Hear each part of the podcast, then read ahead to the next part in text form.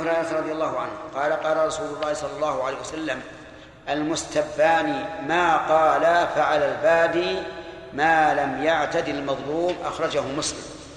المستبان على وزن المفتعلان وأصل المستبان المستببان. المستببان أي اللذان يسب بعضهما بعضا. والسب ذكر ذكر المخاطب بما يكره والغيبة ذكر الغائب إيش؟ بما يكره. فإذا تساب الرجلان صار أحدهما يشتم الآخر يقول أنت بخيل قال البخيل أنت أنت فاسق الفاسق أنت أنت غاش الغاش أنت أنت ظلوم الظلم الظلوم أنت. هذا إيش؟ إيش سب؟ سب. فمن فمن الإثم عليه؟ يقول النبي عليه الصلاة والسلام ما قال فعل البادئ. شف آه الإعراب قبل نسينا أن نعرف. المستبان مبتدأ. ما اسم موصول مبتدأ ثاني. وقال الجملة صلة الموصول. والعائد محذوف والتقدير ما قالاه. فعل البادئ الفاء رابطة للخبر بالمبتدأ. أي المبتدأين؟ المبتدأ الثاني. وعلى البادي جار مجرور متعلق بمحذوف تقدير فهو على البادي. والجملة خبر المبتدأ الثاني. فعلى البادي الجملة خبر المبتدأ الثاني. والمبتدأ الثاني وخبر وخبره خبر للمبتدأ الأول الذي هو المستبان.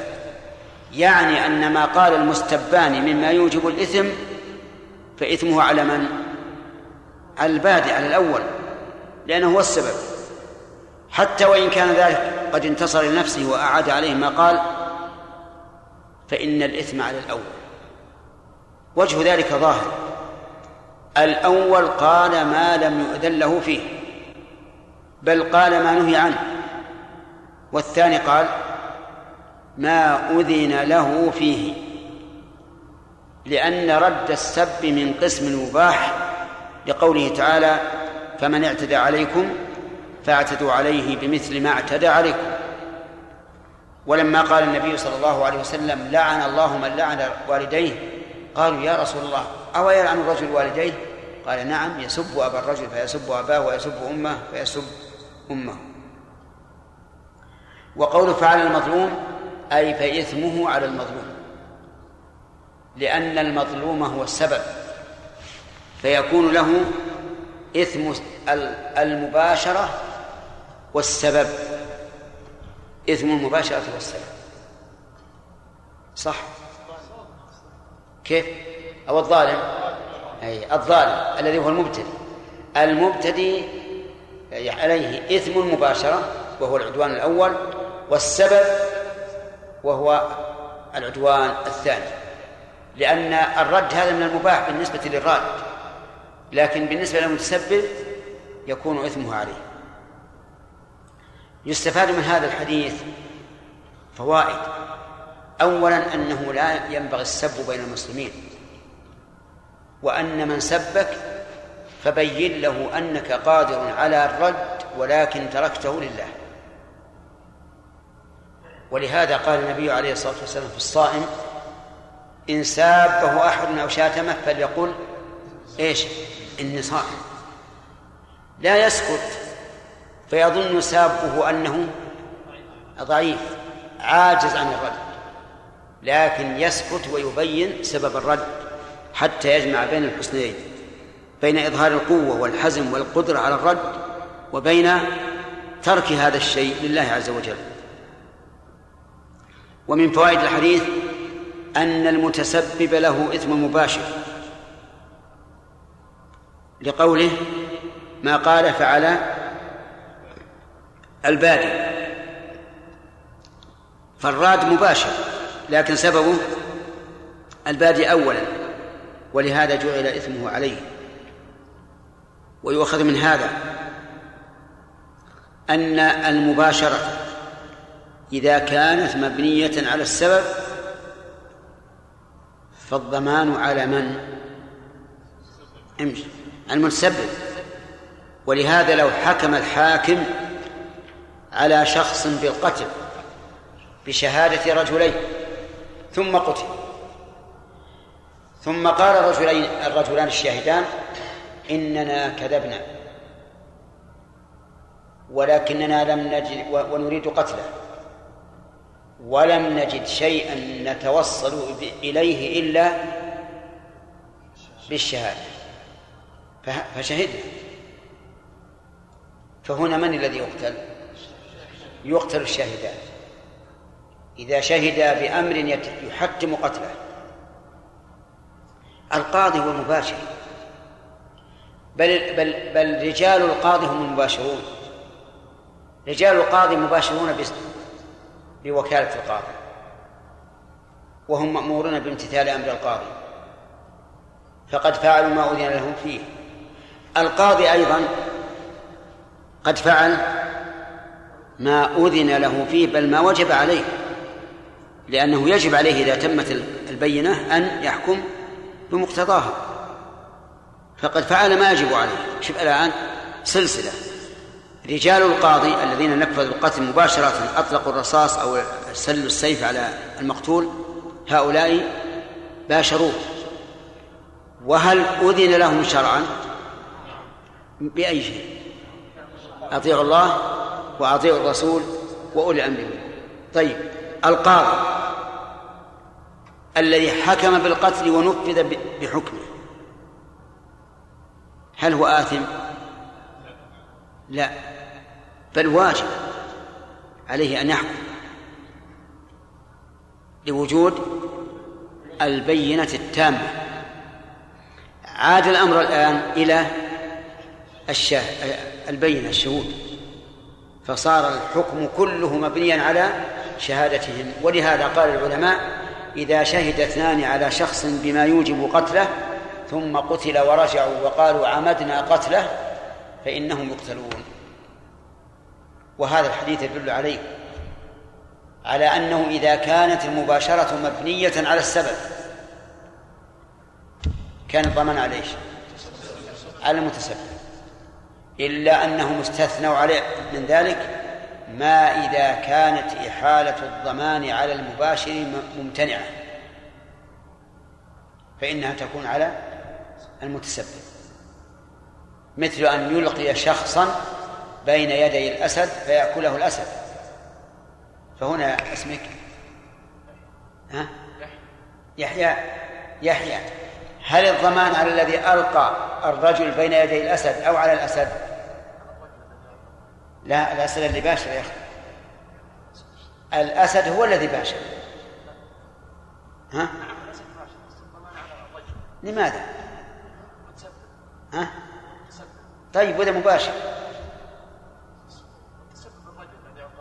طيب هذا أرأيت لو واحد لو واحد جاء شخص قال خذ هذا أقتل. فقتله الرجل من هو عليه الضمان القاتل. هنا الآن عندنا أسد قاتل ورجل ملقي. إذا القاعدة في القاعدة قلنا قلنا إذا اجتمع متسبب ومباشر فالضمان على من؟ إلا على المباشر. على المباشر. إلا إذا إيش؟ إلا إذا تعذر إحالة الضمان على المباشر فالضمان على المتسبب. كذلك إذا كانت المباشرة مبنية على السبب. مبنية على السبب بمعنى أن السبب ملجئ للمباشرة. كمسألة القاضي إذا حكم بشهادة بشهادة الشهود وتنفيذ رجال القاضي ما أمر به القاضي. فهنا الضمان على المتسبب. لماذا؟ لأن هذا السبب ملجئ. إيش؟ ملجئ إلى الحكم بالقتل يا أخوان ملجئ القاضي لا يسعه إذا ثبت عنده القتل ببينة لا يسعه أن يتخلى ولا لا؟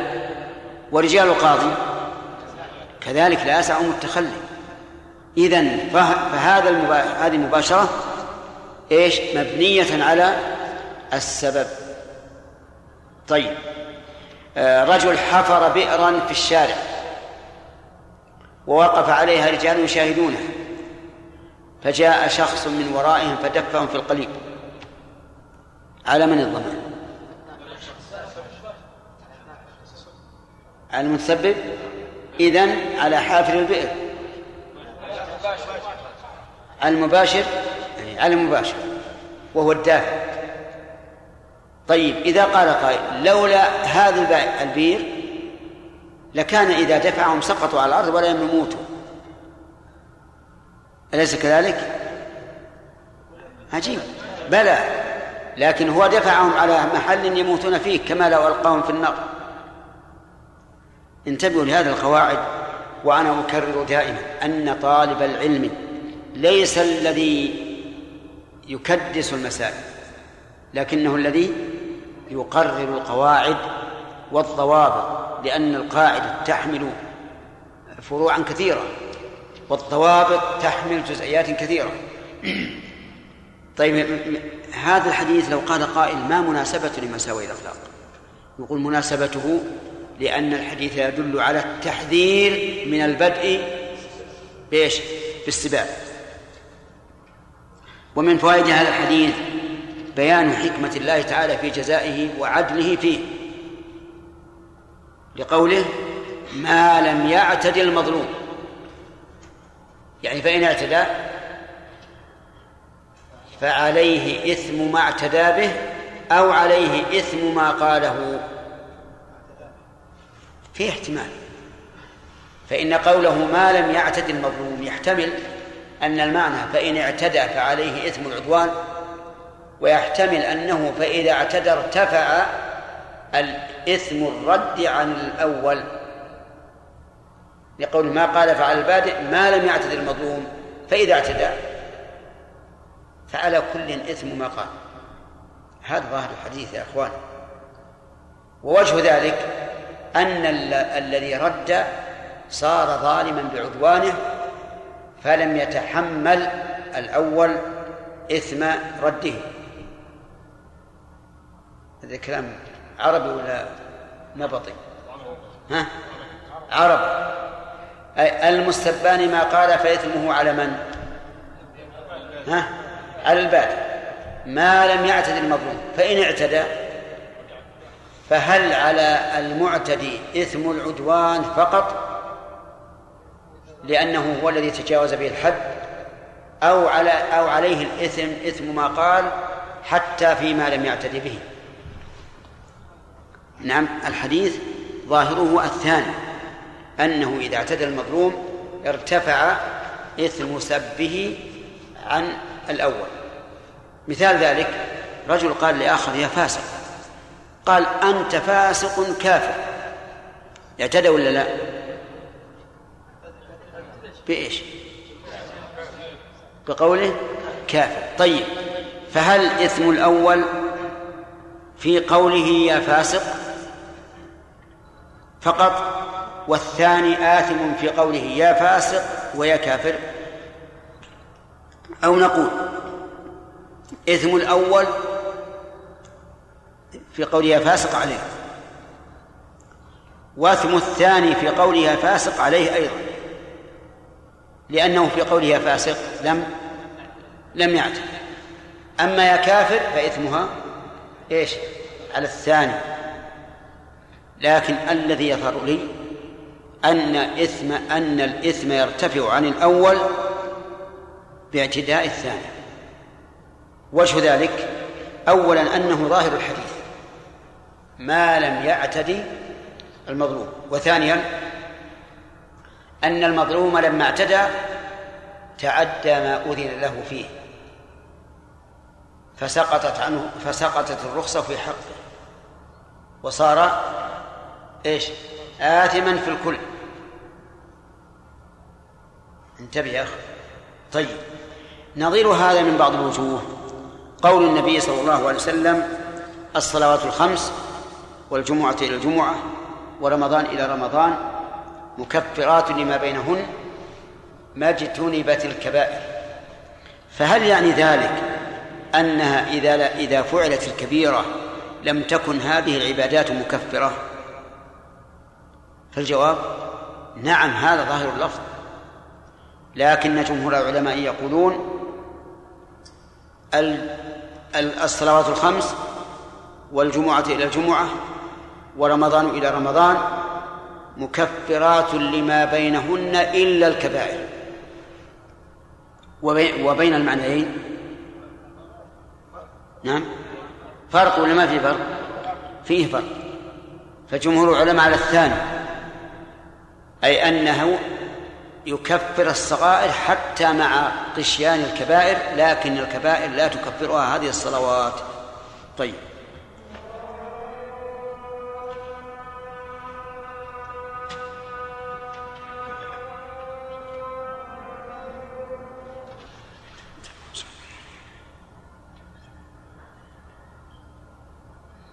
وعن أبي سلمة رضي الله عنه قال قال رسول الله صلى الله عليه وسلم من ضار مسلما ضار الله ضاره الله.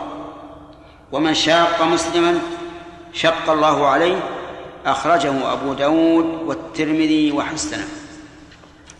قوله من ضار مسلما أي فعل ما يضر أخاه المسلم عمدا هذا المضار. ولهذا جاءت كلمة ضار الدالة على المفاعلة في غالب معانيها.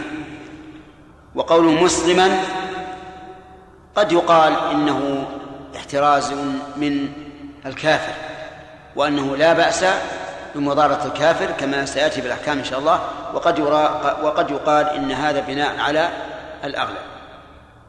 ضاره الله أي ألحق به الضرر. ومن شق ومن شاق مسلما شق الله عليه. شاق مسلما أي فعل ما يشق عليه. شق الله عليه أي أصابه بما فيه المشقة. وهذا الحديث يقول أخرجه أبو داود والترمذي وحسنه أي قال إنه حسن. ففيه التحذير من هذين الخلقين وهما مضارة المسلم سواء في ماله أو بدنه أو عرضه أو أهله أو غير ذلك. المهم أن يلحقه الضرر. وفي أيضا التحذير من المشقة على المسلمين. وأن من شاق شق الله عليه. وفيها ففي هذا الحديث فوائد. أولا احترام أعراض المسلمين. وجهه أن منتهك أعراض المسلمين إيش؟ مضار بهم ومن فوائده أن الجزاء من جنس العمل وأن من ضار بإخوان المسلمين ضار الله به. ولكن هل المراد ضار الله به في نفس القضية أم مطلق؟ أم مطلق الثاني هو المراد لأن هذا المضار قد لا يتضرر بهذه القضية قد لا يتضرر لكن يلحقه ضرر فيما بعد. مثال ذلك البيع على بيع المسلم. البيع على بيع المسلم مع تضرره بذلك. هذه مضارة. هل يلزم من هذا الحديث أن يتضرر المسلم في نفس السلعة بمعنى أن تتلف عليه أو تنقص قيمتها قيمتها أو ما أشبه ذلك؟ الجواب لا يلزم. المهم أنه عرضة لأن يلحق الله به الضرر. آه، ومن فوائد هذا الحديث حماية الله سبحانه وتعالى لعباده المسلمين وأنه هو نفسه يدافع عنه. لقوله ضار الله به ولو لم يكن من هذا أي من الإسلام والإيمان إلا هذه الخصلة لكانت كافية. اتلوا قول الله تعالى إن الله يدافع عن من؟ عن الذين آمنوا. يعني لو لم يكن من فوائد الإيمان إلا هذا أن الله يدافع عن المؤمن يدافع عن عرضه عن ماله عن أهله عن كل ما يضره. ومن فوائد هذا الحديث أن الأحكام قد تقيد بالأغلب مع العموم. من أين تؤخذ؟ من قول من ضار مسلما فإنه لا يعني أنه يجوز أن يضار أحد أن يضار غير المسلمين. لأن غير المسلم إن كان حربيا فلا حرمة له أصلا. وإن كان معاهدا أو مستأمنا أو ذميا فله فله حرمة. ولهذا قال النبي عليه الصلاة والسلام من قتل معاهدا إيش؟ لم يرح رائحة الجنة. وحرم أذية المعاهدين. طيب إذن يؤخذ من هذا الحديث أنه قد تقيد الأحكام إيش؟ بالأغلب ولا ينافي ذلك الإطلاق. ومن فوائد هذا الحديث إثبات علم الله وقدرته عز وجل وحكمته ورحمته وعدله. لأن مضارة الله للإنسان المضار تستلزم هذا كله. تستلزم أن الله عليم. إذ لو لم يعلم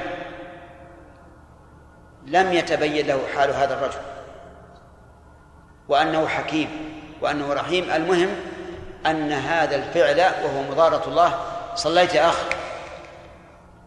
صلي ركعتين. أن هذا الحديث يدل على آه، عدة صفات من صفات الله عز وجل باللازم. ومن فوائد هذا الحديث تحريم مشاقة المسلم أي فعل أي فعل ما يشق عليه. وجهه الوعيد على من شاق مسلما. يتفرع عن ذلك أنه يجب على المؤمن سلوك الأهون في معاملة المسلمين. كذا؟ لأنه إذا حرم الضد وجب إذا حرم الضد وجب ضده. وهذا في الحقيقة أول ما أول من يخاطب به من ولاهم الله أمور المسلمين. سواء كانت الولاية عامة أم خاصة. فمثلا الأب هل يجوز أن يكلف أبناءه أو بناته ما يشق عليهم؟ لا يجوز. نعم لا يجوز. لأنه عرضة لأن الله يشق عليه. طيب مدير المدرسة هل يجوز له أن يلزم من تحت يده من المدرسين والمراقبين وغيرهم بما يشق عليهم؟ لا. أمير البلدة لا يجوز. أمير المنطقة لا يجوز. الأمير العام لا يجوز. متى أمكن السهولة في معاملة الناس فهي الواجبة؟ ومن فوائد هذه الجملة ما سبق في الجملة قبلها وهو أن الجزاء من إيش؟ من جنس العمل. ومن فوائدها أن من عامل الناس بالسهولة عامله الله تعالى بمثلها. وقد جاء في الحديث ما سبق أن قرأتموه من يسر على مسلم يسر الله عليه في الدنيا والآخرة. وعلى هذا فينبغي لنا أن نسلك سبيل التيسير. على المسلم. حتى في الأحكام الشرعية إذا لم يتبين أن الأشد هو الأصوب ولهذا ذكرنا لكم قاعدة فيما سبق أنه إذا تعارض الدليلان تعارضا تاما ولم يكن لأحدهما مرجح من قواعد الشرع فالواجب فالأفضل أو فالأولى اتباع الأيسر. وكذلك ذكرنا في خلاف العلماء إذا تعارضت أقوالهم ولم يكن لأحدها مرجح فخذ بإيش؟ خذ بالأيسر. نعم. وعن أبي الدرداء رضي الله عنه قال قال رسول الله صلى الله عليه وسلم إن الله يبغض الفاحش البذيء. أخرجه الترمذي وصححه. يبغض البغضاء ضد المحبة وهي أرق من الكراهة. وقوله إن الله يبغض يعني أنه سبحانه وتعالى موصوف بهذا بهذا البغض الذي يترتب عليه المجازات والعقوبة. الفاحش البذي الفاحش الفحش يكون بالقول وبالفعل. قد يكون الإنسان فاحشا بفعله. عندما يؤدب يوجع. عندما يمشي على شيء يفسد. كرجل مشى في زرع الناس مثلا فجعل يفحش بخطواته يركض الأرض برجله حتى يفسد إيش؟ الزرع. أما الفاحش باللسان فظاهر. أن يكون الإنسان في أقواله فاحشا جهوري الصوت غليظا. والفحش بالقول لا شك أنه خلق ذميم. البذيء يعني الذي له أو منه عدوان على غيره. ولهذا عند الناس حتى بلغة العامية الآن فلان بذي يعني أنه مفسد مخرب. وهو وهو يعني عن البذاءة والإفساد يختلف اختلافا كثيرا بعضه شديد وبعضه يسير. في هذا الحديث فوائد. منها إثبات البغض لله عز وجل. لقوله إن الله يبغض ومذهب أهل السنة والجماعة والسلف الصالح إثبات أن الله يبغض. كما يثبتون أن الله يحب. وذهب أهل التعطيل من المعتزلة والجهمية والأشاعرة ونحوهم إلى أن الله لا يوصف لا يوصف بذلك. ولا يقول إنه ولا ولا يقال إنه يبغض. وفسروا البغضاء بلازمها وهي العقوبة. وقالوا معنى يبغض أي يعاقب. فيقال فجوابنا على ذلك. أولا أنهم جنوا على النص من وجهين. الوجه الأول إخراجه عن ظاهره. والوجه الثاني إيش؟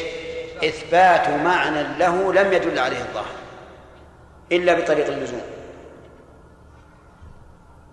ثم إنهم جنوا على النص من وجه آخر من حيث التحريف وهو صرف اللفظ عن معناه بلا دليل. ثم يقال له هب أن معنى البغضاء العقوبة. فإن العقوبة لا تأتي إلا عن إيش؟ عن بغض. إذ لا يمكن أن يعاقب من, لي من كان محبوبا أبدا. لا يمكن. وهل يقال لشخص آه، أمسك رجلا وجعل يضربه ضربا شديدا وذاك يصيح اتق الله فيقول والله إني أحبك. دب. كل ما قال أح. نعم. ضربه أكبر وقال أنا أحبك. إيش يقول المضروب يقول إذا كان هذا مقتضى المحبة عندك فأبغضني. نعم. من أجل إيش؟ أن يرتفع عنه الضرب. هل يمكن أن يكون الله يعاقب من لا يبغض؟ أبدا ما يمكن. البغضاء تدل على الكراهة. إذ لا يمكن أن يغاضب الله على ما يحب أبدا. فصار الأمر لازما له. حتى لو فروا منه فإنهم لا يسلمون من طعن الحق في ظهورهم. من فوائد هذا الحديث الحذر من الفحش وأن الإنسان ينبغي أن يكون رقيقا لينا طاهر القلب طاهر اللفظ. ومن فوائدها أيضا آه، تحريم البذاءة والحذر منها. وأنه لا يجوز للإنسان أن يكون بذيئا بل يكون لطيفا حنونا رقيقا مألوفا عند الناس يألفون ويألفون وعن وله وله من حديث من حديث ابن مسعود رضي الله عنه إن الله إيه، نعم نعم من حديث ابن مسعود رضي الله عنه رفعه. رفعه يعني إيش؟ إلى النبي صلى الله عليه وسلم. والحديث إما مرفوع وإما موقوف وإما مقطوع. الحديث المرفوع ما أضيف إلى النبي صلى الله عليه وسلم والموقوف ما أضيف إلى الصحابي ولم يثبت له حكم الرفع والمقطوع ما أضيف إلى التابع فمن بعده وهو غير المنقطع المنقطع من أوصاف السند. والمقطوع من أوصاف المتن والمنقطع يلزم منه الضعف من قطع السند والمقطوع لازم منه الضعف. قد يكون صحيحا بالنسبة إلى من أضيف إليه. طيب المهم أن قوله رفعه يعني إلى النبي صلى الله عليه وعلى آله وسلم. هذه الكلمة لماذا لم يقل الراوي وعن ابن مسعود وله من حديث ابن مسعود رضي الله عنه أن النبي صلى الله عليه وسلم قال يعني لماذا قال رفعه؟ نقول كأن الراوي والله أعلم صار عنده تردد هل قاله ابن مسعود مضافا إلى الرسول صلى الله عليه وسلم بهذا اللفظ قال رسول الله أو قاله بغير هذا اللفظ لكن الراوي فهم أنه مرفوع. ليس المؤمن بالطعام. ليس المؤمن جملة. سلبية أو إيجابية؟ سلبية لأنها نفي. وقول المؤمن أي الكامل الإيمان وقول بالطعان صيغة مبالغة. من طعن يطعن فهو طاعن والمراد بالطعان الذي يطعن في الناس إما بأنسابهم وإما بأنسابهم وإما بأشكالهم وإما بأعمالهم. المهم أن الطعان هو الذي يطعن في الناس أي يعيبهم. ولا باللعان كثير اللعن. كل مرة يقول للشخص لعنك الله أعطني القلب. لعنك الله لعنك الله أعطني الكتاب. وإذا تبطأ عليه قال له الله يلعنك ليش ما جبت هذا؟ وهذا يوجد في كثير في بعض الناس. يكون اللعن على لسانه أسهل من الذكر. نسأل الله العافية. فتجده دائما لعانا. كذلك الفاحش سبق أن الله تعالى يبغض الفاحش. ولا البذيء سبق أيضا أن المؤمن ليس بالبذيء. نعم. وحسنه وصححه الحاكم ورجح الدار قطني وقفه. هذا العلة من قوله إيش؟ رفعه. رجح الدار قطني رفعه وقفه. أي أنه من قول عبد الله بن مسعود. وإذا كان من قول عبد الله بن مسعود لم يكن حجة. لكن يعرض على النصوص من حيث صحة معناه. فلنعرض. الطعام لا يقع من المؤمن كامل الإيمان. المؤمن لا يطعن في النسب ولا في الأعمال ولا في القبيلة ولا في الخلق في الخلقة ولا في الخلق. المؤمن قد سلم الناس من لسانه ويده. اللعان صح ولا غير صح؟ صحيح. المؤمن ليس لعانا قد يقع منه اللعن مرة أو مرتين لكن ليس لعانا والحديث في اللعان. الفاحش. المؤمن أيضا ليس بالفاحش. كلامه نور هين يسير لا يستفحش في عقول الناس.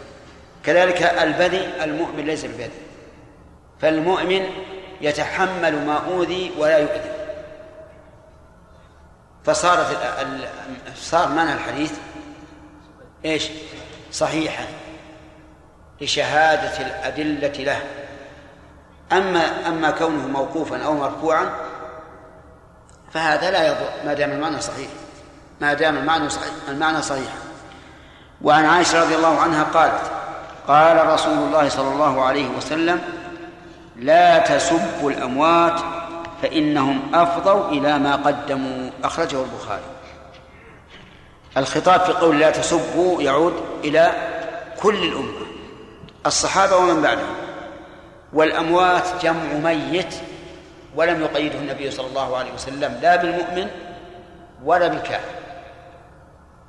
وقوله فإنهم أفضوا أي وصلوا وانتهوا إلى ما قدموا من إيش؟ من العمل. وصدق رسول الله صلى الله عليه وسلم. أفضوا إلى العمل لأن الإنسان ينقطع عمله بموته. إذا مات الإنسان انقطع عمله. إلا مما استثناه الرسول عليه الصلاة والسلام. وهو إيش؟ صدقة الجارية والعلم الذي ينتفع به والولد الصالح الذي يدعو له أفضل الرجل إلى ما قدم. يجد ما قدمه من حين يموت بل قبل أن يموت يبشر. إما بالخير جعلنا الله وإياكم منه وإما بالشر أعاذنا الله من ذلك. طيب إذن إلى ما قدموا من من الأعمال وحينئذ لا حاجة لسبه. والمراد بذلك السب المتعلق بأعيانهم لا بأقوالهم. أما بأقوالهم فلا بد أن يبين الخطأ من الصواب ولو كان من قول ولو كان قول ميت قد مات.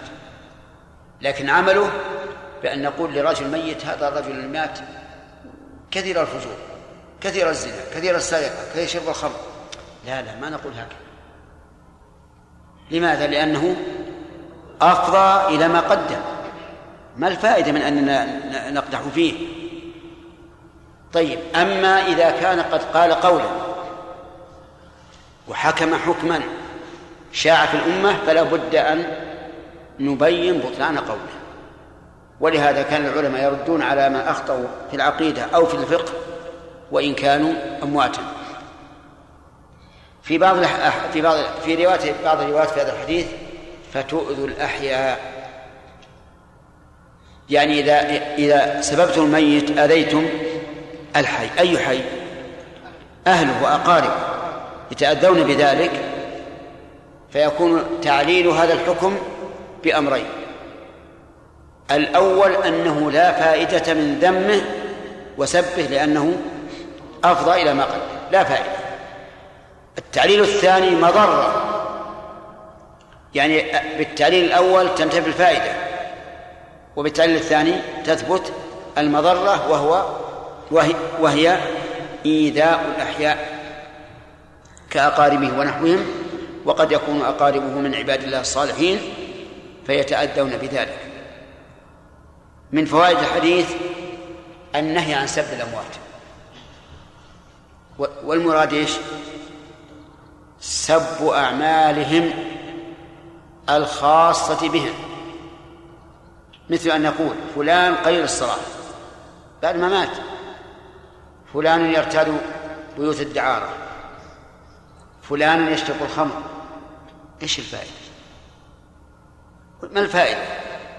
لا فائدة لكن إذا كان قد قال قولا خطأ فالواجب بيانه لا سيما إذا كان قوله ممن يعتبر وينتشر بين الناس فإن الواجب بيانه حتى لا يغتر به أحد طيب من فوائد هذا الحديث مراعاة خواطر الناس فيما يتأذون به وإن كان ليس فيهم على وجه المباشر بناء على إيش؟ على الروايات الأخرى فتؤذوا الأحياء. ومن فوائد هذا الحديث أنه لا ينبغي للإنسان أن يقول ما لا فائدة منه. كما قال النبي صلى الله عليه وسلم من كان يؤمن بالله واليوم الآخر فليقل خيرا أو ليصمت. لأنه لا لا فائدة من سب الأموات فيما يتعلق بالأمور الشخصية. طيب لو قال قائل أيجوز لي أن أسب رئيسا من رؤساء الكفر؟ قد مات. كأبي لهب الجواب لا. الحديث يدل على أنه لا لا يسب باعتبار عمله الشخصي. أما باعتبار إيذائه للنبي صلى الله عليه وسلم فهذا نعم يقال هذا الرجل كان يؤذي الرسول عليه الصلاة والسلام لينتهي غيره عن عن أذية الرسول عليه الصلاة والسلام. وكذلك يقال في كل كافر. سبه العائد إليه شخصيا. إيش؟ ينهى عنه منهي عنه وأما ما كان يعود إلى المصلحة العامة كالنيل من أقواله أو من أفعاله التي قد يقتدى به فيها فإنه لا بأس لأن لأن السب هنا ينصب على إيش؟ على القول أو الفعل لا على الميت وعن حذيفة رضي الله عنه قال قال رسول الله صلى الله عليه وسلم لا يدخل الجنة قتات. نسأل الله العافية. أسئلة. فيها أسئلة هذه؟ طيب.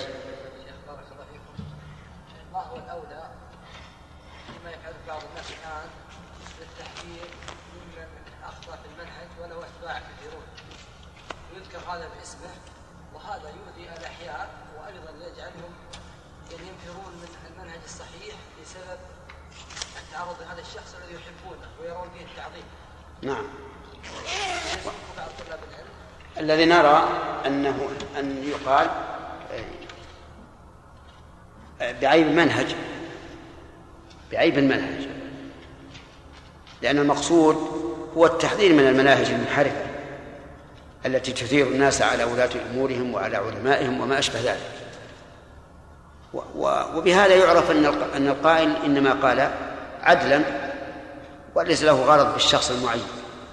الشخص المعين ما لنا فيه غرض. المهم المنهج.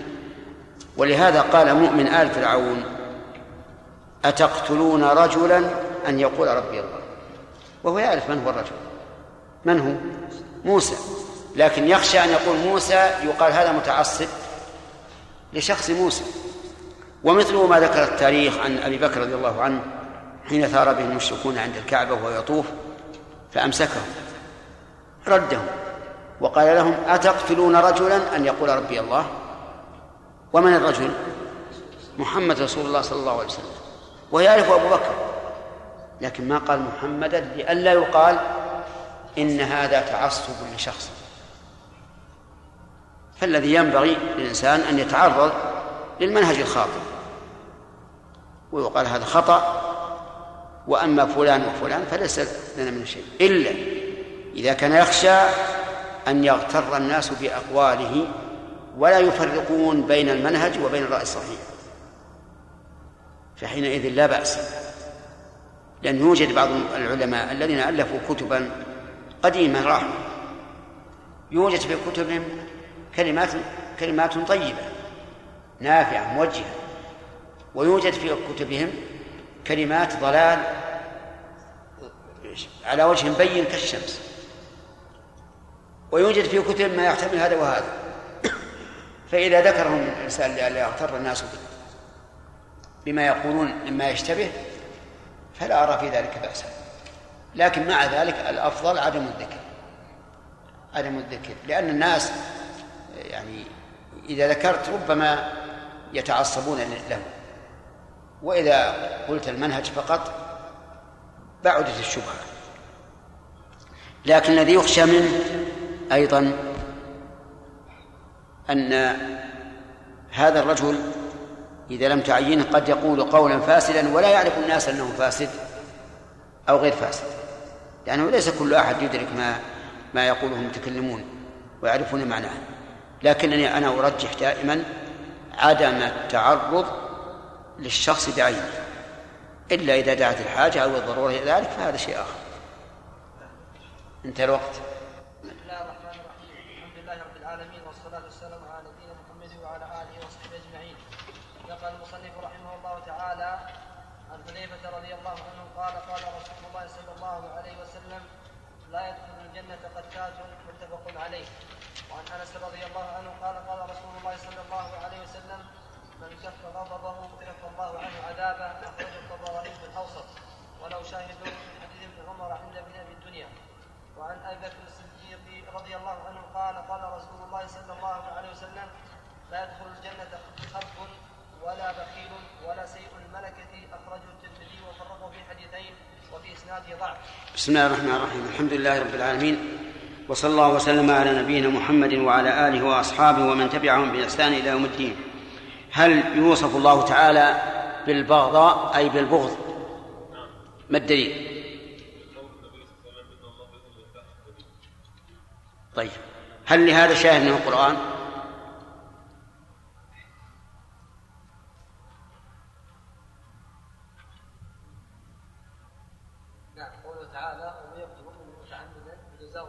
لا بغض البغض مو الغضب بغض اي نعم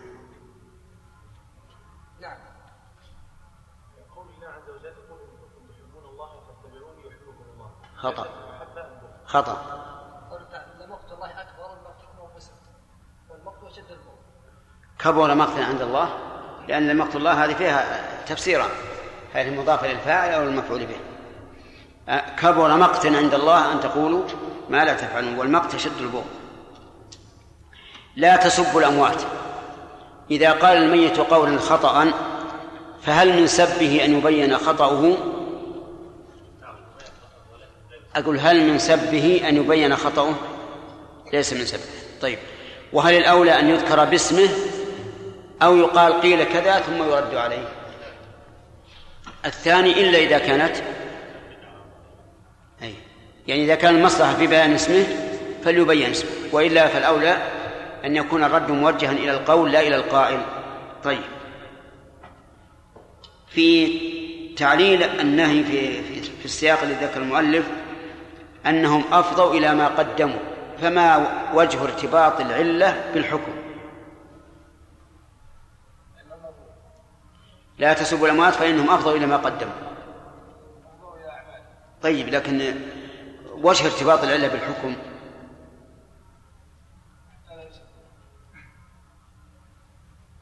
طيب. نعم. أنه لا فائدة في سبه لأنهم أفضوا إلى ما قدموا. أما في الدنيا فربما يكون ذلك سببا لارتداعهم إذا علموا أنهم أنه يقدح فيهم بسبب عملهم ربما يرتدعون. طيب فيه تعليل آخر في لفظ آخر. نعم. هو أنه أهلهم ما هو ما هي اللفظ الذي ذكر؟ هو قول النبي صلى الله عليه وسلم فتؤذي الأحياء. فتؤذي الأحياء.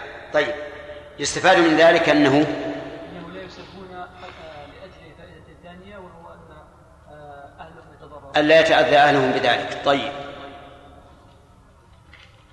آه، فيها حديث حذيفة شرحناه طيب إذا نشرح إن شاء الله. قال لا يدخل الجنة قتات القتات النمام فقول لا يدخل الجنة أي الدخول المطلق الذي لم يسبق بعذاب.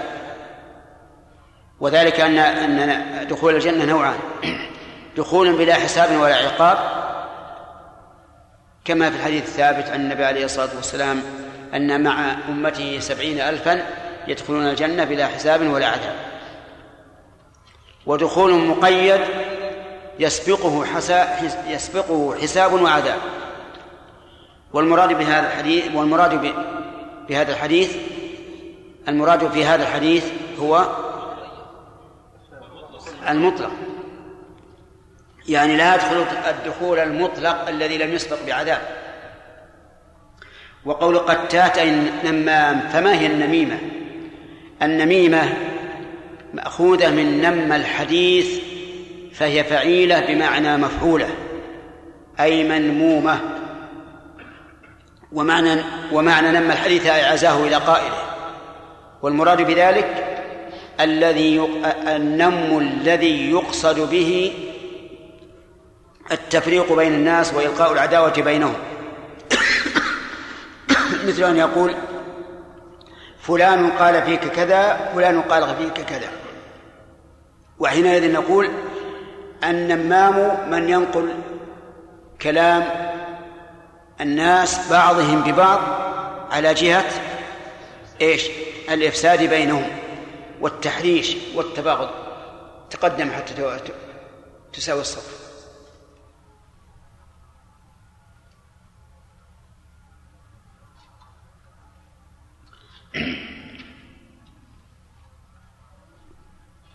هذا هو النمام. ووجه ذلك أن النميمة سبب لإلقاء العداوة والبغضاء بين المسلمين. وهذا مما ينهى عنه الإسلام أشد النهي حتى إنه حرم المعاملات التي التي تؤدي إلى ذلك غالبا مثل الغش والخداع والظلم والبيع على بيع المسلم والشراء على شرائه وما أشبه ذلك.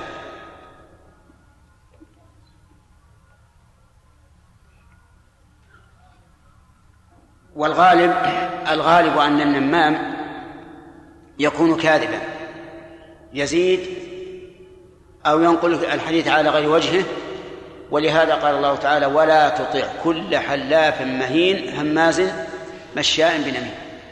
والإنسان الذي ينم إليك كلام الغير سوف ينم عنك كلامك إلى الغير ولذلك يجب الحذر من النمام وقولنا في التعريف على سبيل الإفساد أو على وجه الإفساد يخرج به من نم الحديث على وجه النصيحة. فإن ذلك ليس داخلا في النهي أو في ليس داخلا في هذا الوعيد. مثال ذلك أن ترى شخصا قد اغتر بشخص واصطحبه وصار يفضي إليه إصراره وهذا الشخص يفشي أسرار صاحبه وينشرها بين الناس ويتكلم فيه. فهنا لا نقول هذه نميمة يجب أن تبلغ هذا المغتر بما يفعله به صاحبه. وهذا من باب من باب النصيحة وليس من باب النميمة.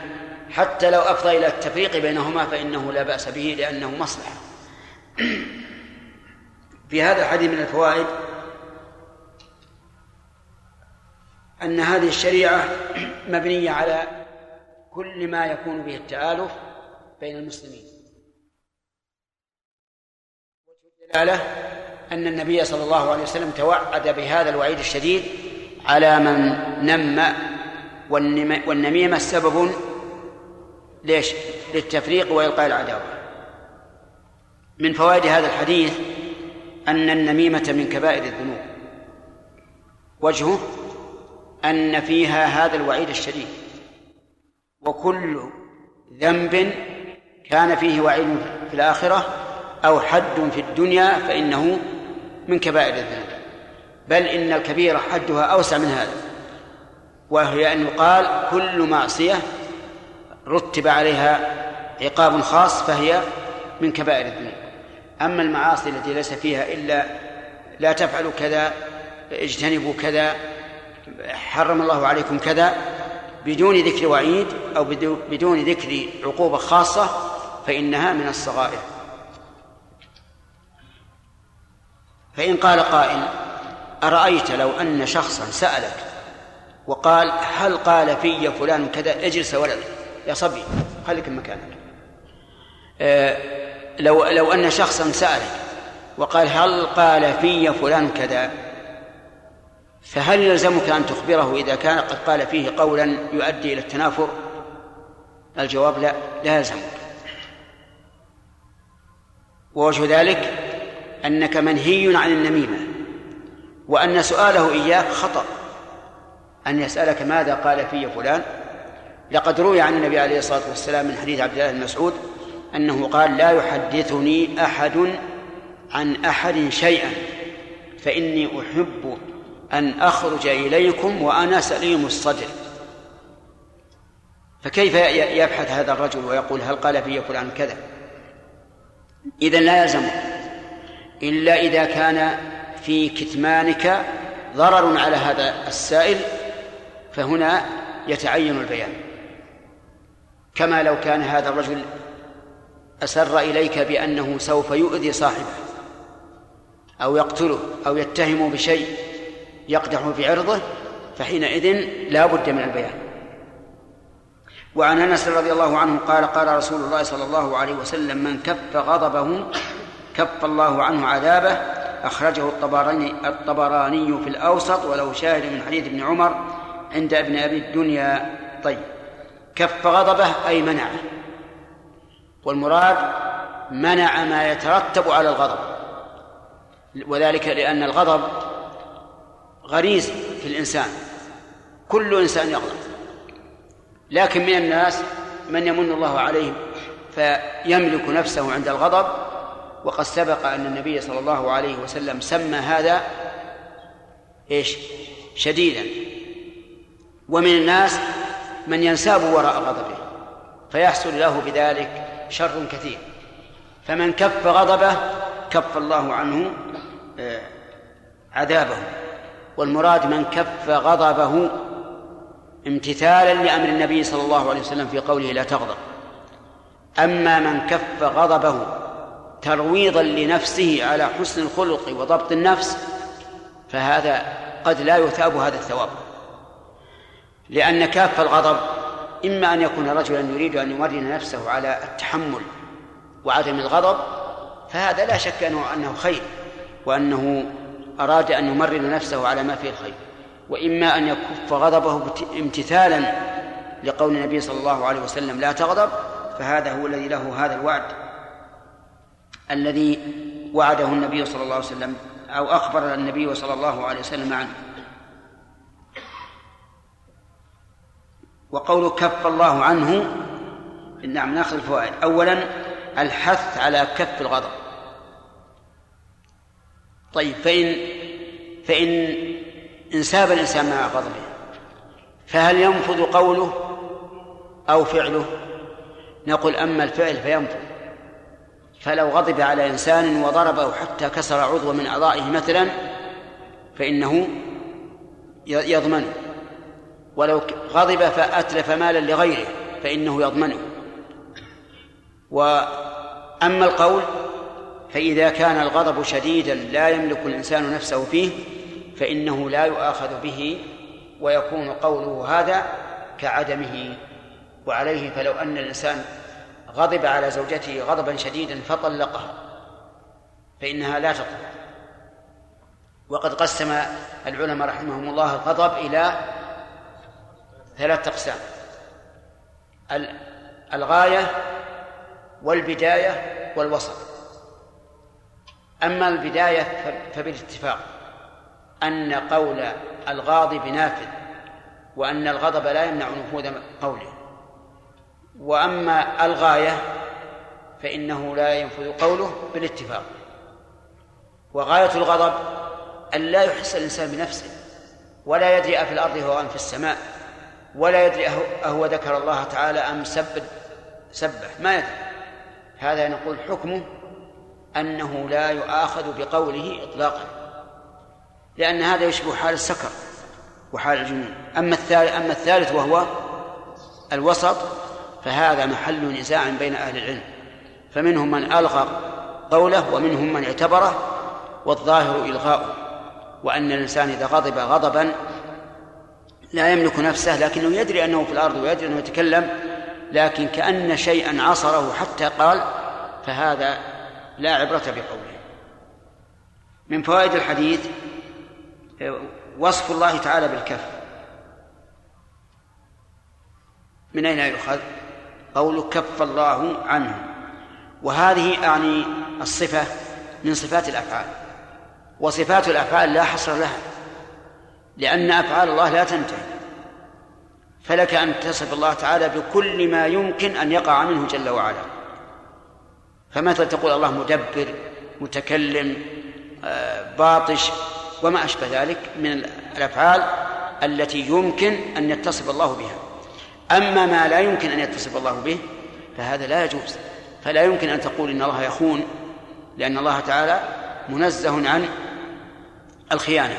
لكن كل ما يمكن أن يتصف الله به من أفعاله فإنه يجوز أن تصفه به وإن لم يرد نصه في القرآن والسنة.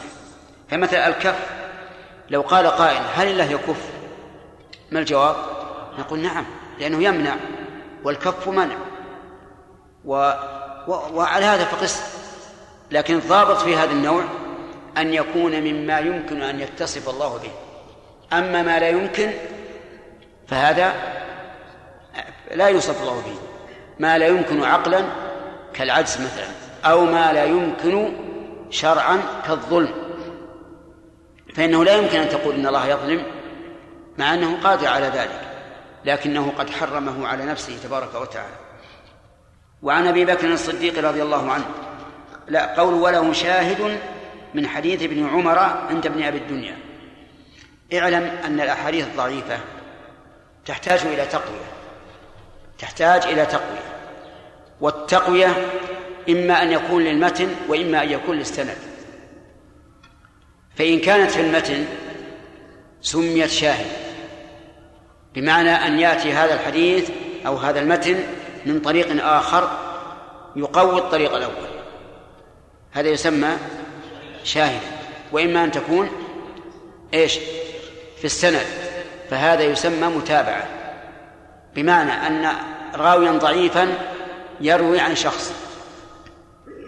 ثم وجدنا آخر ضعيفا يروي عن, عن هذا الشخص أيضا نسمي هذا متابعا ونسمي الموافقة متابعة. ثم إن كانت من أول السند فهي متابعة تامة. يعني بمعنى أنه أن هذا روى عن شيخ الضعيف مباشرة ثم ساق السند. نسمي هذه متابعة تامة لأنه تابع الضعيف في كل الأسناد. في كل الإسناد. وإن كان فيما في من فوق شيخه فهي متابعة قاصرة. لكن على كل حال نحن لا نحتاج في قوة الحديث وتصحيحه إلى شاهد أو متابع إلا متى؟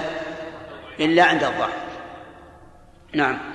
يقول وعن أبي بكر الصديق رضي الله عنه قال قال رسول الله أبو بكر هو عبد الله بن عثمان بن أبي قحافة رضي الله عنه. وسمي صديقا لأنه أو لأنه صدق النبي صلى الله عليه وسلم بدون أي تردد.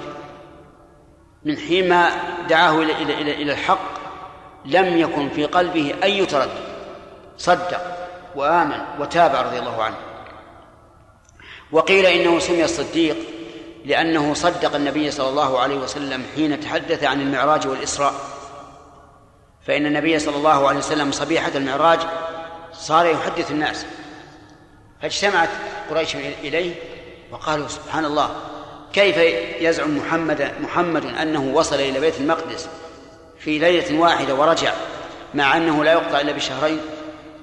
هذا كذب. ثم زد على ذلك أنه ادعى أنه وصل إلى السماوات السبع وصاروا يكذبونه وصارت هذه فرصة لهم وصار فتنة.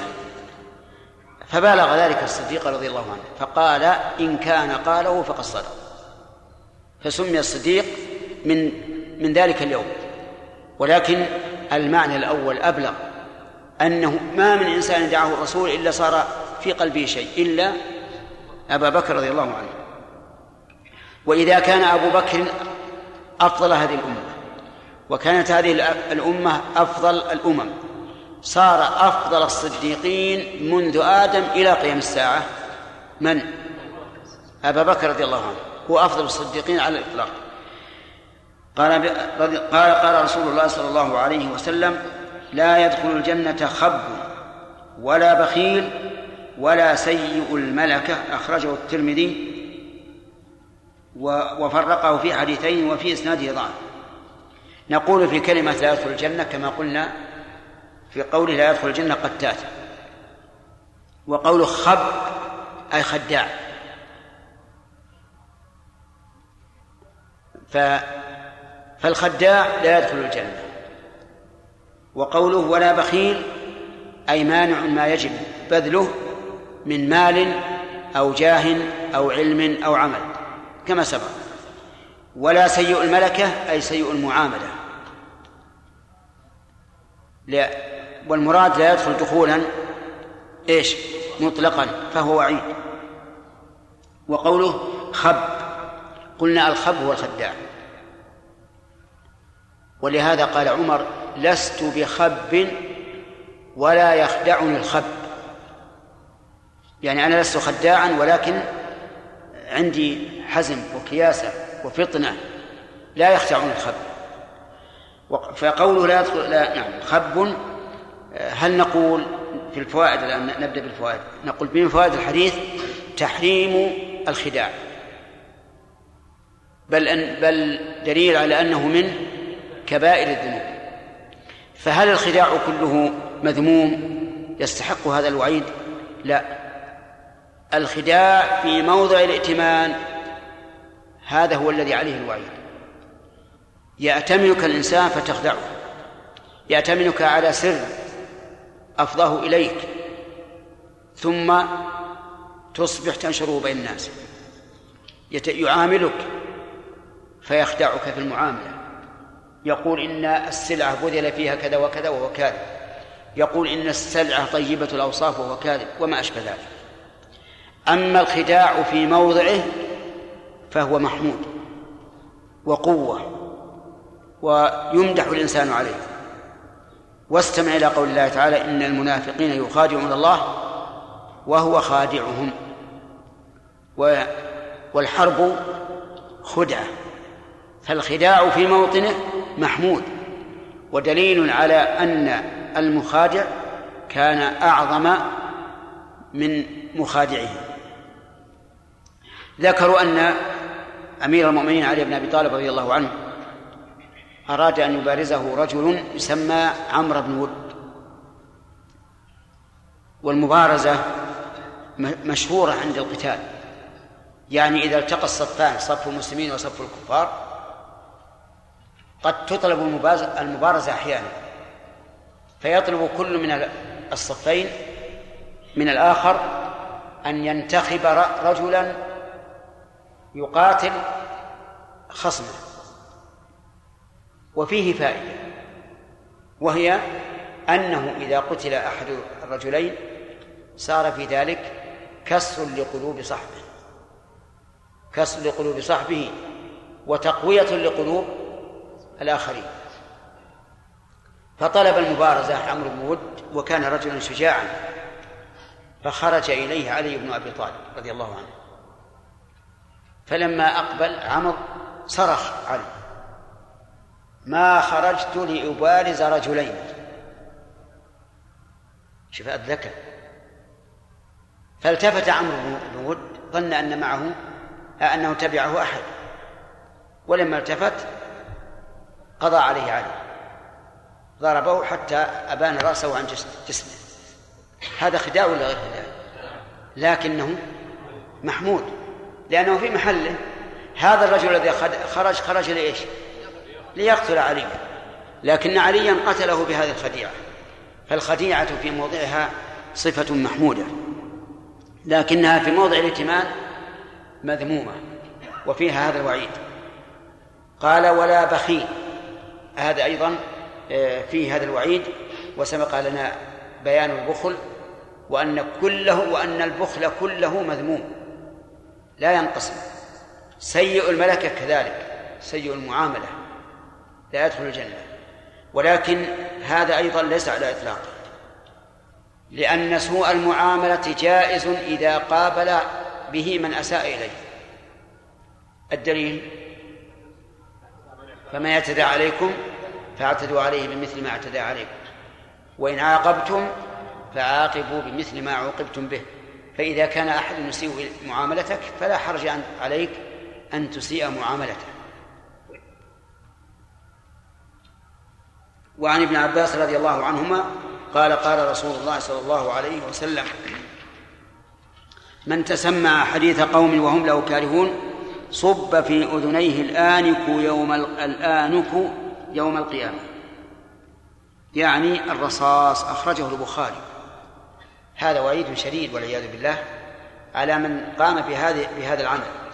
تسمع حديث قوم تسمع أي صار يسارقهم السمع. بمعنى ينصت وهم يظنون أنه لا يسمع لكنه يتسمع يتصيد ماذا يقولون؟ وقول حديث قوم وهم له كارهون المراد بالقوم هنا الذين يتسارون فيما بينهم. أما الذين يجهرون فهؤلاء لم يحتاطوا لأنفسهم فلا حرج على من سمع كلامه وهؤلاء الذين يجهرون لا يقال لمن سمع كلامهم إنه تسمع ولكن يقال سمع لكن أولئك القوم يسرون. فجعل هذا يتصنت عليهم من أجل أن يأخذ ما عنده. وقوله وهم له كارهون الجملة حال في موضع نصب على الحال. حال منين؟ من من قوم. حديث قوم يعني والحال أنهم لهم كارهون. ولولا الواو لقلنا إن الجملة صفة لقول لأنها نكرة. صب في أذنيه هذه جواب من؟ صب. من الصاب؟ الصاب من أمرهم الله تعالى أن يصبوا ذلك عليه. وقد قال الله تعالى خذوه فاعتلوه إلى سواء الجحيم ثم صبوا فوق رأسه من عذاب الحميم. فهؤلاء فالصاب هنا لم يبين. لكن حسب ما جاء في القرآن في تعذيب المجرم أن الذي يصبهم الملائكة. في أذنيه الآنك يوم القيامة يعني الرصاص ولا يكون صبا في الرصاص إلا إذا كان مذابا. وعليه فالمراد الرصاص المذاب. في هذا الحديث دليل على فوائد. منها تحريم التسمع إلى قوم يكرهون أن يسمعهم أحد. سواء تصنت عن طريق مكبر الصوت لأن فيه أشياء تكبر الصوت تجعل في الإذن ويسمع الصوت من بعيد أو من طريق الباب. يجلس إلى الباب يتسمع أو يجلس قريبا منهم يتظاهر أنه يقرأ يأخذ مثل كتابا أو القرآن الكريم ويرمش بشفتيه على أنه يقرأ. فإذا رأوه يقرأ ربما يأمنون ويقول هذا لاهن عنا وليس له بحاجة وليس له حاجة بنا. و ومن ذلك أيضا أن يضع مسجلا. بل قد يكون أبلغ لأن هناك مسجلات صغيرة على قدر علبة الكبريت يضعها في أماكن جلوسهم المعتاد وهم لا يعلمون. هذا المسجل في أيضا مسجلات غريبة تأتمر بأمرك إذا أمرت. آه، آه، لها يعني ذبذبات خاصة. إن تكلم حولها أحد سجل. وإن لم يكن كلام لم تسجل. فيجعل مثل هذا هذا عندهم حتى يسترق السمع. المهم أن طرق التسمع كثيرة والنبي عليه الصلاة والسلام أطلق ما قال من تسمعهم بكذا فيكون عاما بإيش؟ بكل تسمع طيب. وإذا من فوائد هذا الحديث آه، أن تسمع لحديث قوم يكرهونه من كبائر الذنوب. وجهه؟ الوعيد الشديد. أنه يصب في أذنيه الآنك يوم, الآنك يوم القيامة. وهل يستثنى من ذلك شيء؟ نعم. يستثنى من ذلك التسمع إلى العدو. فإن التسمع إلى العدو جائز ولهذا كان النبي عليه الصلاة والسلام يرسل الجواسيس. الأعين ترى ماذا يصنع العدو وما يريد. فيكون هنا الحديث يكون الحديث ليس على إطلاق.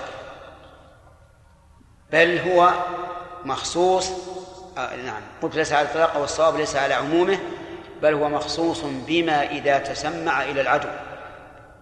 للتحرز من خداعه ومكره ومن فوائد هذا الحديث أنه لو تسمع إلى حديث قوم وهم يسرون بذلك إيش؟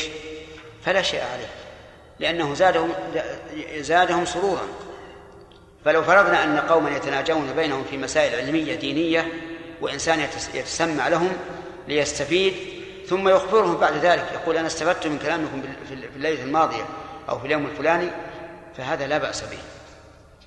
ومن فوائد هذا الحديث آه، أن الجزاء من جنس العمل.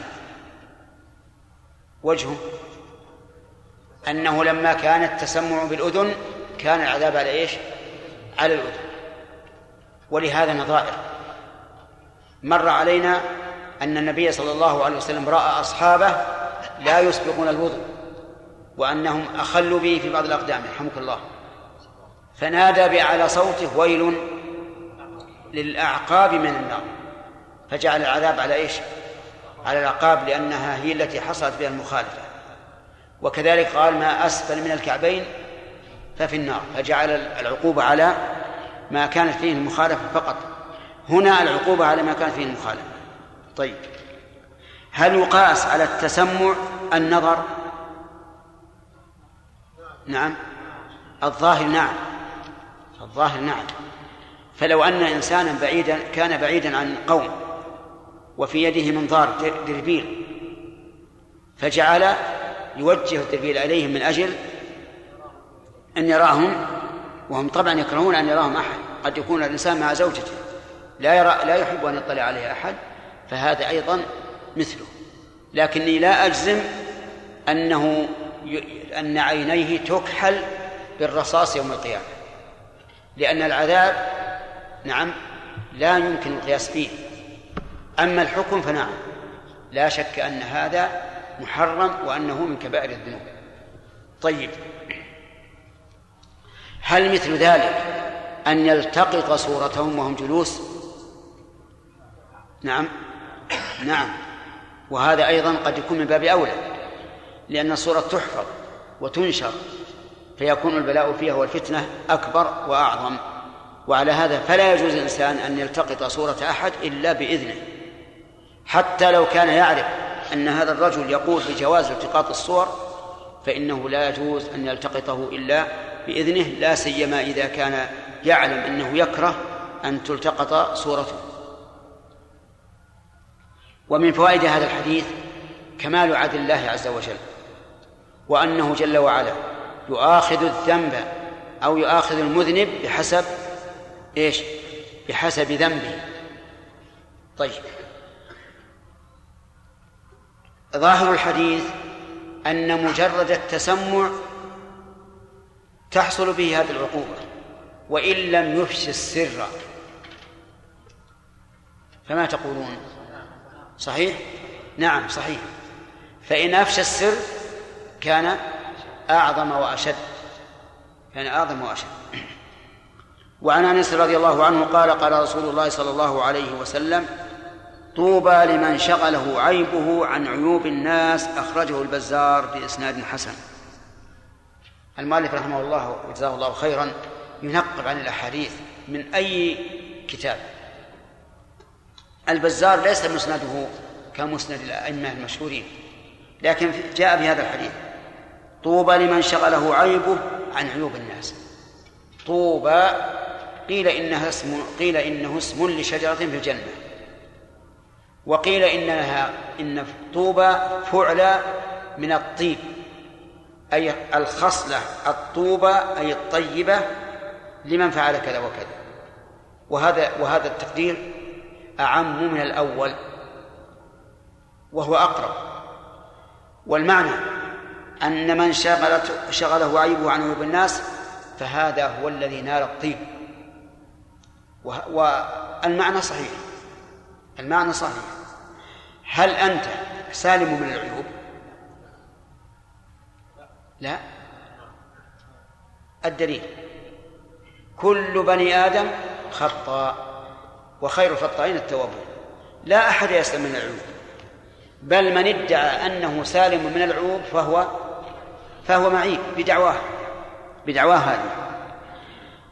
فهل من العقل والحكمة أن تشتغل بعيوب الناس وتقول ماذا قال فلان أو قال فلان أو ما أشبه ذلك؟ مما نهي عنه نهى عن قيل وقيل عن قيل وقال. أو الأولى أن تشتغل بعيوب نفسك؟ الثاني أولى. اشتغل بعيوب نفسك وستجد عيوبا كثيرة. ثم إن عيوب النفس أيضا.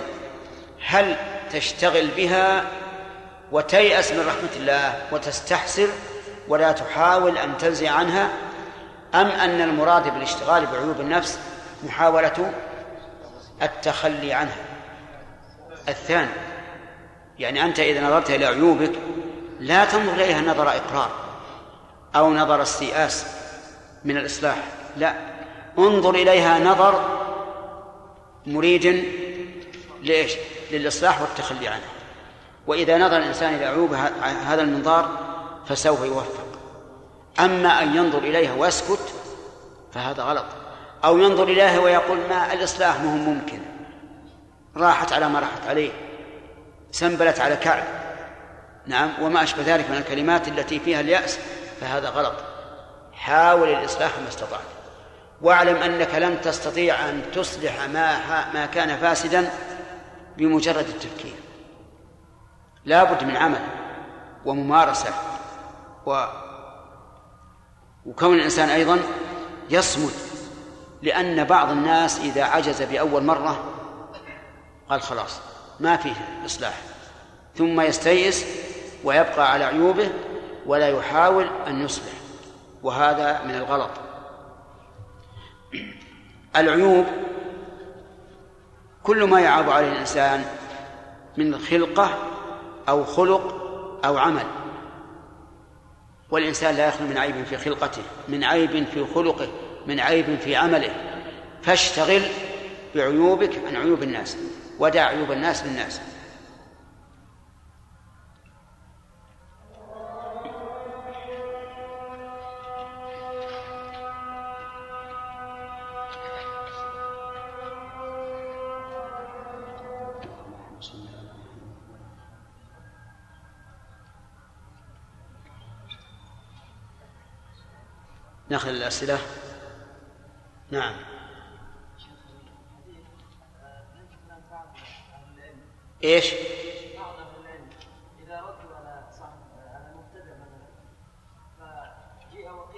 اشتغل بعيوبك عيوب الناس نعم. الرد على الباطل سواء من بدعة قولية أو عقدية أو فعلية هذا هو الحق. وتركه هو العيب. فإذا قال اشتغل بعيبك عن عيب غيرك أقول ومن عيبي أن لا أرد على الباطل. لأن الرد على الباطل واجب. ورد في الصحيح أن النبي صلى الله عليه وسلم قال ويل واد في جهنم نعم وقال كذلك في الصحيح أن طوبى شجرة من أشجار الجنة نعم فهل يكون كلما رتب النبي الشرع النبي صلى الله عليه وسلم جزاء على عمل ما بهاتين بهذين الشيئين يكون هو جزاء لهما هو فيه فيه القولين هل المراد طوبى كل طيب أو الشجرة في الجنة؟ وكذلك الولد. يحتمل هذا وهذا. شيخ بشرح بشرح النبي صلى الله عليه وسلم لهما نعم. هل نقول أن كلما ورد بذكر جزاء يذكر هذين الشيئين؟ إذا كان إذا كان الرسول قال ذلك تفسيرا لآية فهذا قد يكون مختصا بها. نعم. لو تسمع إلى قوم وهم يكرهون يكرهونه ولكن يفيده ولا يضره. يعني نعم. تسمعه يفيده هو ولا يضره. نعم. وهم يكرهون لهذا. إيه هذا سؤال مهم. يعني الإنسان تسمع إلى قوم يكرهون أن يتسمع إليهم وهو يستفيد من ذلك ولا يضرهم ك كاثنين يراجعان دروسهما مثلا.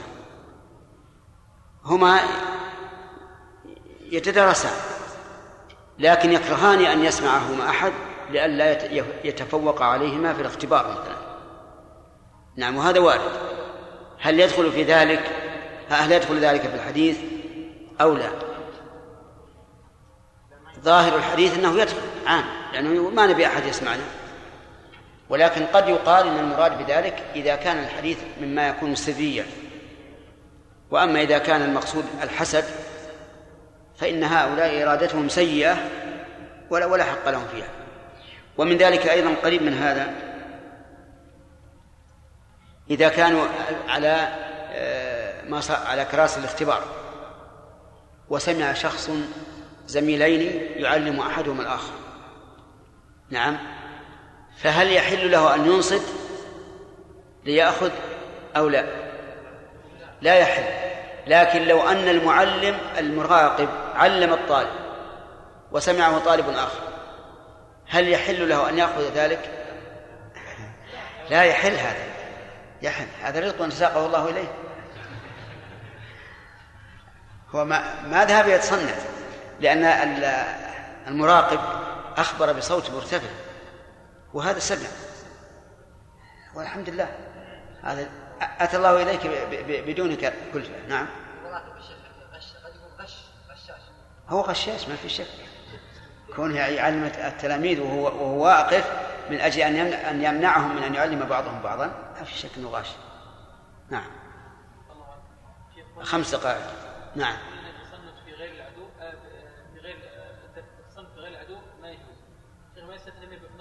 بعض الجهات التي يعني مصلحه المسلمين ها؟ ما يستثنى منه بعض الجهات التي يعني يتصنفها مصلحه المسلمين؟ التي إيش؟ في إيه؟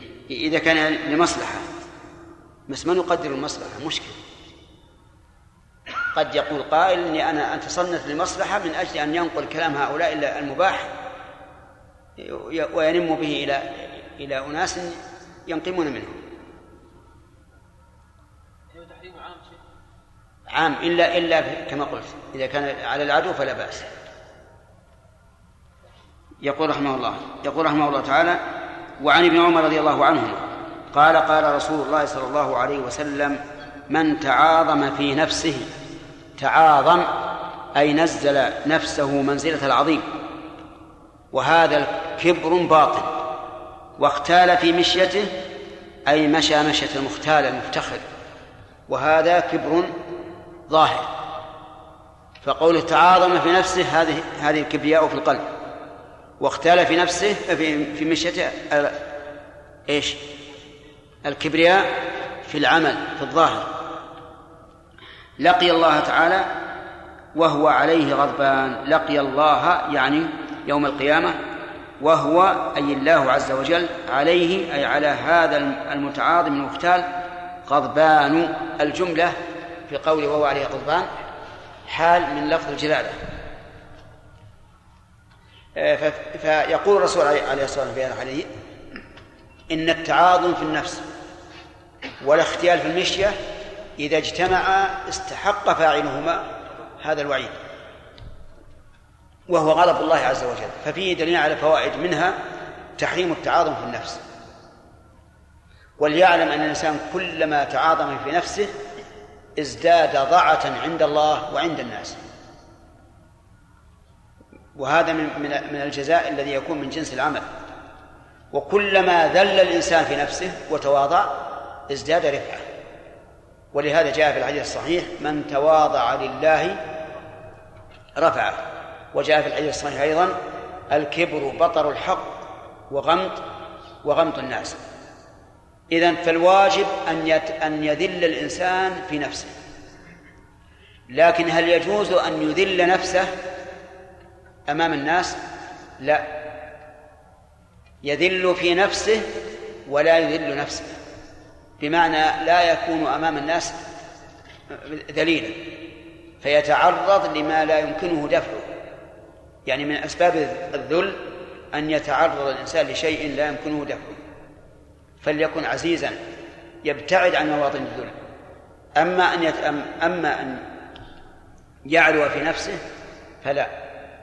من فوائد الحديث أيضا تحريم الاختيال في المشية. يمشي مثلا متعكصا آه، مرة يكون على رجل ومرة يكون على رجل وتجده ينظر في كتفيه في عطفيه وما أشبه ذلك. ففي تحريم الاختيال في المشية والاختيال في المشية واللباس والصوت والهيئة كله حرام. إن الله لا يحب كل مختال فخور. من فوائد هذا الحديث إثبات لقي الله عز وجل. وهو لكل أحد أو لبعض الناس. لكل أحد. لقوله تعالى يا أيها الإنسان إنك كادح إلى ربك كدحا فملاقيه ويقول عز وجل واتقوا الله واعلموا أنكم ملاقوه. ومن فوائد الحديث إثبات الغضب لله عز وجل لقوله وهو عليه غضبان. والغضب صفة تحمل الغاضب على الانتقام من خصمه فهي صفة قوة وليست صفة نقص. واعلم أن أهل السنة والجماعة طريقتهم في هذه الصفة وأمثالها أن يثبتها لله على وجه إيش؟ الحقيقة دون مماثلة. وأن أهل التعطيل كالأشعرية والمعتزلة والجهمية ينكرونها. لكن لا إنكار جحد بل إنكار تأويل. لأنهم لا يجحدون أن الله يغضب. لو, لو جحدوا لكفروا. لكنهم يثبتون الغضب إلا أنهم يؤولونه. وحقيقة تأويلهم أنه تحريف للكلمة عن مواضعه.